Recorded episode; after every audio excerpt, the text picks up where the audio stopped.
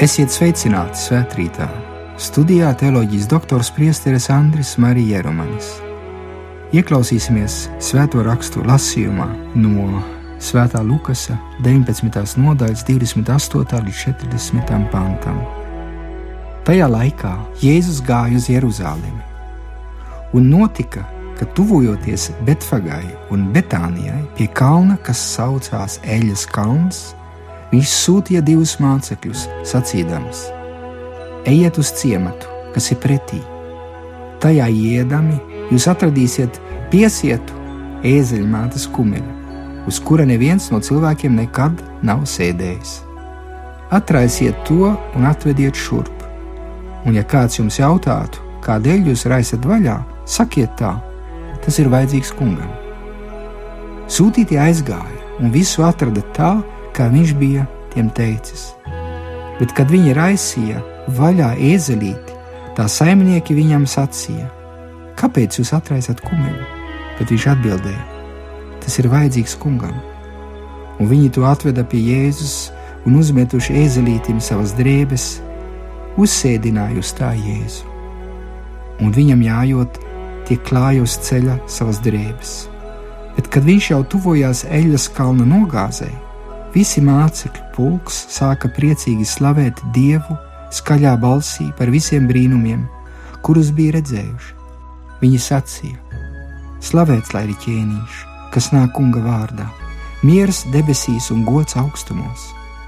Bet daži farizēji no pūļa sacīja viņam: Mācītāji apsauc savus mācekļus, bet viņš atbildot teica: Es jums saku, ja šie klusēs, tad sauks akmeni Tie ir svēto rakstu vārdi.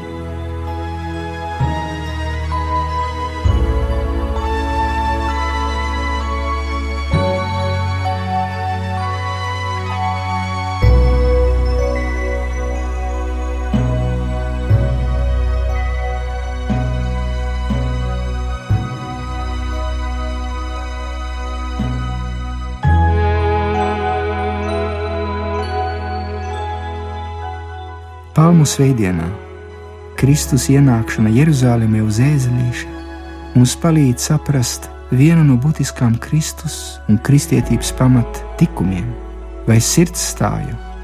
Tā ir pazemība, ko viņš pats ir mācījis ar vārdiem un ar savu piemēru.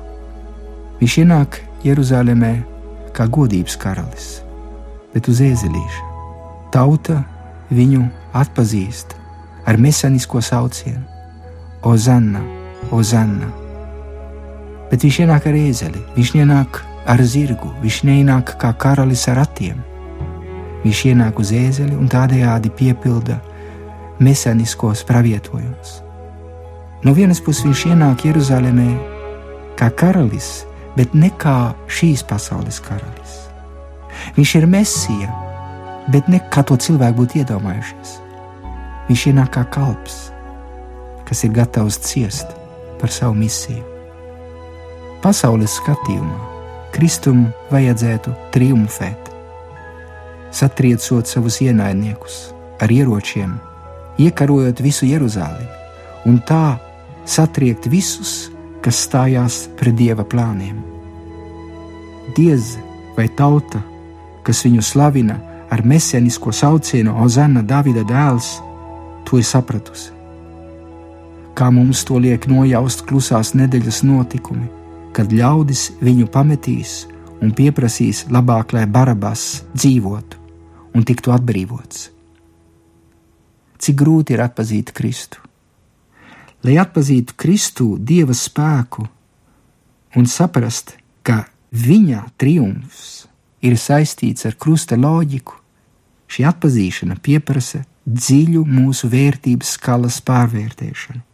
Jēzus ir sludināts ar savu dzīvi un ar savu mācību, radikālu uzskatu pārmaiņu. Pats Pēteris, pirms kad Jēzus ienāk Jeruzalemē, nebija sapratis, ka Jēzum ir jāiet krusta virzienā, un bija lūdzis, lai viņš neiet uz Jeruzalemi, jo viņa dzīvība ir apdraudēta. Un Jēzus viņam skarbi pārmeta ar vārdiem: atkāpies, Sātan! Krusta loģika nav šīs pasaules loģika. Šīs pasaules loģika vadās pēc uzvaras loģikas, pēc veiksmes loģikas. Kristus loģika parāda, ka uzvarētājs ir tas, kas ir spējīgs atdot savu dzīvi par otru. Tā ir upura loģika, kas sakņojās mīlestības loģikā. Sabiedrības skatu punktā arī šodien esam zaudētāji, ja izvēlamies iekrist zemē, kā Kristus to ir darījis, un ja mēs izvēlamies alternatīvo ceļu, pazemības ceļu. Jo katrs, kas zaudē savu dzīvi par otru, īstenībā to iegūst pēc Kristus mācības. Mūsu egoisms un narcisms tādu valodu nesaprot, un tieši pretēji pretojās. Mēs gribam būt lieli un vareni, bez krusta, bez atteikšanās no sava egoisma. Mūsu vērtības skala vadās pēc pašmīlestības principa, jeb pēc izdevīguma principa, un ne pēc otra cilvēka patiesās mīlestības. Jēzus ticēja, ka pasauli var mainīt, un ka to var mainīt, ja mēs sekosim Dieva plānam. Cilvēks ir aicināts radīt pasauli, kur nevaldītu egoisms, lepnība, uzpūtība. Cilvēks ir aicināts uz patiesās mīlestības revolūciju, ko nosaka nesavtīga mīlestība un pašaizliedzīga mīlestība, kura žēlsirdība ir cilvēces mērs, pēc kura vadīties. Cilvēks kristīgā skatījumā ir radīts pēc dieva tēla un līdzības. Dievs, kā to atklāja Jēzus, ir žēlsirdības dievs, jo viņš ir mīlestība. Viņa visvarenība, kā saka Svētais Akvīns Toms, pastāv tieši mīlestībā, žēlsirdībā. Tāpat viņa taisnīgums nav kā cilvēku taisnīgums. Tas ir mīlestības taisnīgums. Jēzus mums ir atklājis, ka Dievs ir taisnīgais tēvs. To, ko mēs bieži vien nesaprotam, mēs nespējam apvienot taisnīgumu ar žēlsirdību. Mēs nesaprotam, kā Dievs var būt taisnīgs un žēlsirdīgs, jo cilvēcīgā līmenī sintēzi ir grūti atrast. Tikai Kristū mēs varam saprast, ko nozīmē taisnīgais tēvs, kā to parāda pazudušā dēla līdzība. Mēs nevaram iedomāties, kā var apvienot taisnīgumu ar žēlastību. Mēs sakam, ja tu pasvītro pa daudz taisnīgumu, tad tu nesi žēlsirdīgs, ja tu pa daudz pasvītro žēlsirdīgumu, tu nesi taisnīgs. Jēzus mūs to māca savā personā, savā būtībā ar saviem vārdiem un piemēru. Viņš ir šī sintēze, reālā sintēze. Lai saprastu, kā šī sintēze jānotiek, mums ir jāskatās uz Jēzu, kas bija taisnīgs un žēlsirdīgs. Taisnīgs, tāpēc ka žēlsirdīgs, žēlsirdīgs, tāpēc ka taisnīgs. Pati krusta loģika un augšām celšanās loģika ir saprotama tikai dieva žēlsirdības noslēpuma gaismā. Apostols Jānis to mums skaidri un gaiši ir pasvītrojis. Dievs tā mīlēja pasauli, ka deva savu dēlu, un viņš nonāk pie slēdziena, ka Dievs ir mīlestība, un ja nemīlam savu tuvāko, tas nozīmē, ka neesam atpazinuši patieso Dievu. Krustā pats Jēzus aizlūdz par tiem, kas viņam dara pāri. Tēvs piedod viņiem, jo nezina, ko dara, ir viņa vārdi. Pieņemt žēlsirdības loģiku kā dzīves pamatprincipu, pieprasa radikālu pārveidošanos, gan intelektuāli, gan pašā sirdī. Bieži mūsu sirdis ir nocietinājušās, tās nespēja saprast, ne dzīvot pēc līdzjūtības. Mēs esam ievainoti un neticam, ka žēlsirdības spēks ir spēcīgāks par atriebības spēku. Nespējam piedot, nespējam uzticēties otram. Mūsu vienīgā atbilde ir celt mūrus, un aizsargāties, pielietojot visus līdzekļus, lai otrs mūs vairs neievainotu. No vienas puses to varam saprast, bet no otras puses mēs zaudējam citu draudzību un mīlestību, iekrītam bailes loģikā un bieži, lai aizstāvētos, vēlnišķojam otru un kļūstam agresīvi. Cilvēks, kas ieraujās sevī, ir patiesi zaudētājs. Viņš sevi iznīcina un arī citus Kā to labi pasvītroja Mārtiņš Būbers, izcils 20. gadsimta ebreju domātājs un dialogiskās filozofijas pamatlicējs, kas raksta, ja cilvēks pasaulē nesaglabā attiecības a priori, tad viņš sevi vairs nesaprot. Viņš savu patieso es nesatiek, jo viņš nesaprot sevi kā vispirms atvērts uz otru, bet tikai pats kā pašpretruna. Tāpat arī psiholoģija parādījusi narcismu postu un mokas, ja cilvēks ir uz sevi iecentrēts. Mūsu laikmeta problēmas risināšana prasa jaunu skatījumu uz cilvēku un tās likteni. Mieras pasaulē, bez žēlsirdības, tas ir bez sirds, atvērtības otra cilvēka ciešanām, mieras pasaulē nekad nebūs iespējams. Varam proti cerēt un likt visu enerģiju, lai attīstītu ekonomiku, un ar liegumiem noregulēt savstarpējo pasaules dzīvi, bet tas vēl nav pietiekoši kā to pasvītroja viens slavens ekonomists un Eiropas valūtas līdzveidotais, bijušais itāļu ekonomikas ministrs Antonio Šopa Padovā, pasaules problēmas galu galā izriet no paša cilvēka sirdīm. Tātad vispirms ir ētiskā problēma, pēc kurās mums ir jāvadās un jāatrisina, lai varētu atrisināt pārējās problēmas. Pats Jēzus to māca, pasvītrojot farizējiem, ka ļaunums izriet no paša cilvēka. Protams, ārēji apstākļi nosaka arī cilvēka dzīvi, bet tā ir tikai mūsu liberālā sabiedrības modeļa ilūzija domāt, ka var atbrīvoties no cilvēka sirds izkopšanas vai garīgās un ētiskās izglītošanas. Sabiedrība nevar pastāvēt tikai no tīri individiem, kas sevi uzskata par salām, kuram nebūtu citas attiecības kā tikai ekonomikas vai interešu loki. Tad ātri vien cilvēks kļūst viens otram par vilku, kur uzvar spēcīgākais, un tiek attaisnots tas saucamais sociālais darvinisms, pēc kura sabiedrībā izdzīvo tikai stiprākie, un tātad par vājiem, neizdevīgiem cilvēkiem nav jārūpējas. Viņus vienkārši ir jāupurē. Domāt un runāt par žēlsirdības kultūru noved tieši pie pretējās dzīves un sabiedrības uzskata, kur viens uz otru skatās ar bību. Tas ir daudz vairāk nekā tīra tolerances sabiedrības modelis ko šodien mums liek priekšā. Bības skats skatās uz otru kā uz cilvēku, kas ir draugs, kas var mani bagātināt, kas mani neapdraud, kurš var mani papildināt un palīdzēt kļūt pašam vairāk par cilvēku, un tas, kas es esmu savā identitātē. Kristus mācības skatījumā otrs cilvēks ir tāpat kā es dieva radīts, un kuram Dievs piedāvā atpestīšanu, un arī kļūt par patiesu dieva bērnu. Tikai Bībeles kontekstā var notikt patiesa dialogs, kas ir mīlestības un patiesības dialogs, un tā tad arī atpestīšanas dialogs, kas izglāb otru. Tikai Bībeles kontekstā varam saprast, kāpēc pazemība, kura ietver sevī krusta loģiku, ir pasaules nākotne.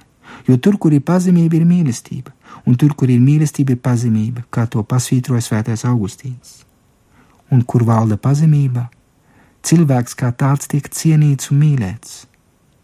Kristus ar savu piemēru ir parādījis, cik tālu mums ir jāiet, lai patiešām izturētos cienīgi pret otru cilvēku. Pārdomājiet tikai par Jēzus attieksmi grēcīgās sievietes priekšā, ko visi gribēja nomētāt ar akmeņiem. Viņš viņu izglāba, izrādot līdzjūtību, paceļot viņu un virzot viņu par patiesības ceļu ceļies un negrēko vairs. Tāpat līdzībā ar labo samarieti. Kristus mūs māca, ka mūsu tuvākais ir katrs cilvēks, kas cieš, un nevis pirms mans draugs, manas ģimenes loceklis vai tautas piederošais. Tad, kad es esmu gatavs vairs nepiedot, ja man ir grūti paskatīties uz manu brāli vai māsu, kas man ir ievainojis, tad man ir jāatcerās Kristus vārdus krustā. Tēvs piedod viņiem, jo viņi nezina, ko viņi dara tad man ir jāatcerās Kristus aicinājumu Pēterim piedot vienmēr. Piedošanas spēks ir šīs pasaules patiesais kristiešu spēks. Piedošanas spēks mums tiek spilgti atgādināts evaņģēlijā. Kristus mums ir atgādināts, ka mums ir jāmīl pat ienaidnieks. Tā to pieprasa mīlestības pilnība, kā Jēzus to mācīja Kalnas prediķī. Esiet pilnīgi, jo mans debesu Tēvs ir pilnīgs. Pasaule nekad nemainīsies, ja mēs nespēsim žēlsirdīgi piedot. Ja mēs neiesim žēlsirdības loģikā, mēs nekad neaugsim, nepāraugsim par patieso cilvēku. Mēs nekad neatbrīvosimies no vecā Ādama. Otrais vienmēr būs vainīgs, otrais būs vienmēr tas, kas man ir ievainojis. Es nespēšu viņam lūgt atdošanu, es nespēšu arī pazemoties viņam priekšā. Pārdomājot par Jēzus ienākšanu Jeruzalemē, nevaram neizcelt cilvēka nenoteiktību un svārstību. Virspusēji skatoties uz lietām, uz Jēzus dzīves notikumiem, tie, kas viņu uzņem ar prieku gavilēm, arī viņu vēlāk nodos. Kāpēc? Nevar neizcelt cilvēka parasto tuvredzību vai virspusējīgumu. Tādi mēs esam visi. Spriežam, tiesājam pēc ārējā, aizmirstot globāli skatīties uz katra cilvēka apstājamies pie kļūdām un nespējam novērtēt visu, kas ir labs kādā cilvēka dzīvē, jo skatāmies bez mīlestības, bez žēlsirdības, jo pietrūks pareizais izēja punkts, lai novērtētu pareizi otru. Tas ir žēlsirdības gaisma, kā taisnīgais tēvs to dara ar mums. Cilvēki nevarēja piedot Jēzum, ka viņš nebija kā viņi to bija iedomājušies. Politiskais atbrīvotājs nevarēja dzirdēt patiesības vārdu par patieso veidu, kā izprast tēva reliģiju, senšu reliģiju. Augstākās reliģiskās varas jutās apdraudētas pazemīgā Jēzus priekšā. Pats Pilārs neuzdrošinājās aizstāvēt Jēzu, baidoties zaudēt savu vietu, baidoties, ka viņu atcels no Palestīnas. Varbūt daudziem pietrūka arī drosme iet pret straumi, tāpat kā šodien mums pietrūkst drosme iet pret straumi. Tad Kad bija viegli ticēt 90. gados, tad baznīcas bija pilnas. Tad, kad šodien, zināmā sabiedrības iespējā, nav vairs mode ticēt vai iet uz baznīcu, tad arī mēs neatrodam vairs laiku svētdienā apstāties vai katru dienu pacelt acis un salikt rokas un lūgt kungam spēku. Tāpat pietrūks spēka liecināt par Kristu mūsu sabiedrībā. Arī Pēteris nodeva aiz bailēm. Arī Jūdas nodeva Jēzu. Jūdas mantas, naudas dēļ samierinājās ar nodevību. Viņš neticēja dieva žēlsirdībai. Pēteris nožēloja, paļāvās, ticēja Jēzus piedošanai, jo bija kaut ko sapratis dziļāku. Viņš bija sapratis, ka žēlsirdības tēvs viņam piedos, kā Jēzus to bija mācījis, bet jūtas tam neticēja un vairs neko necerēja. Vai tas nav šīs pasaules vislielākais kārdinājums - necerēt uz dieva žēlsirdības?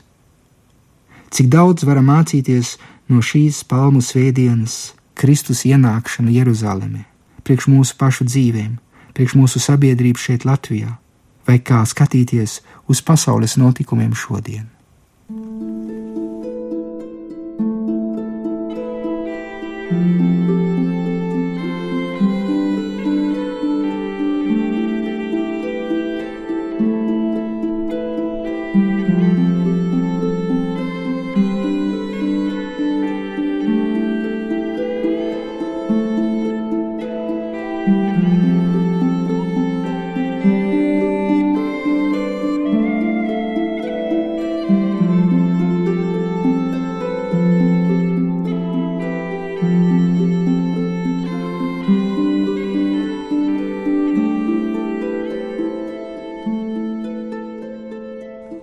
Kungs, Jēzu Kristu, es lūdzu, palīdzi man ar pazemību atbrīvoties no lepnības, ar nabadzību satriekt alkatību, ar pacietību uzvarēt dusmas un ar ilgošanos līdzināties tev, Kungs. Palīdzi man iemantot brīvību, ko sniedz pazemība. Āmen!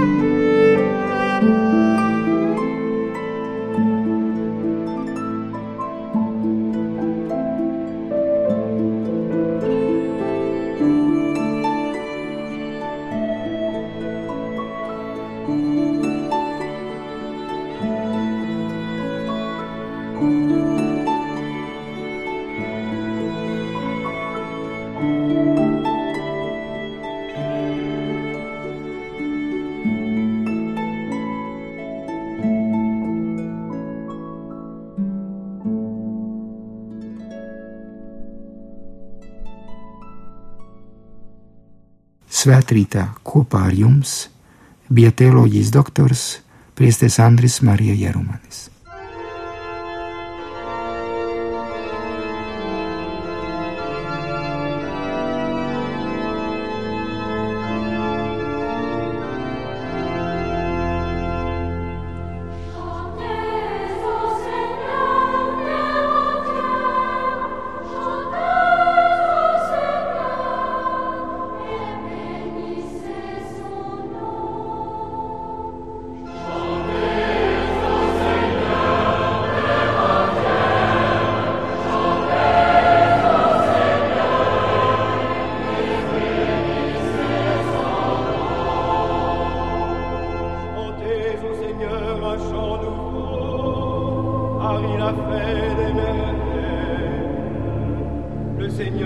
avec connaître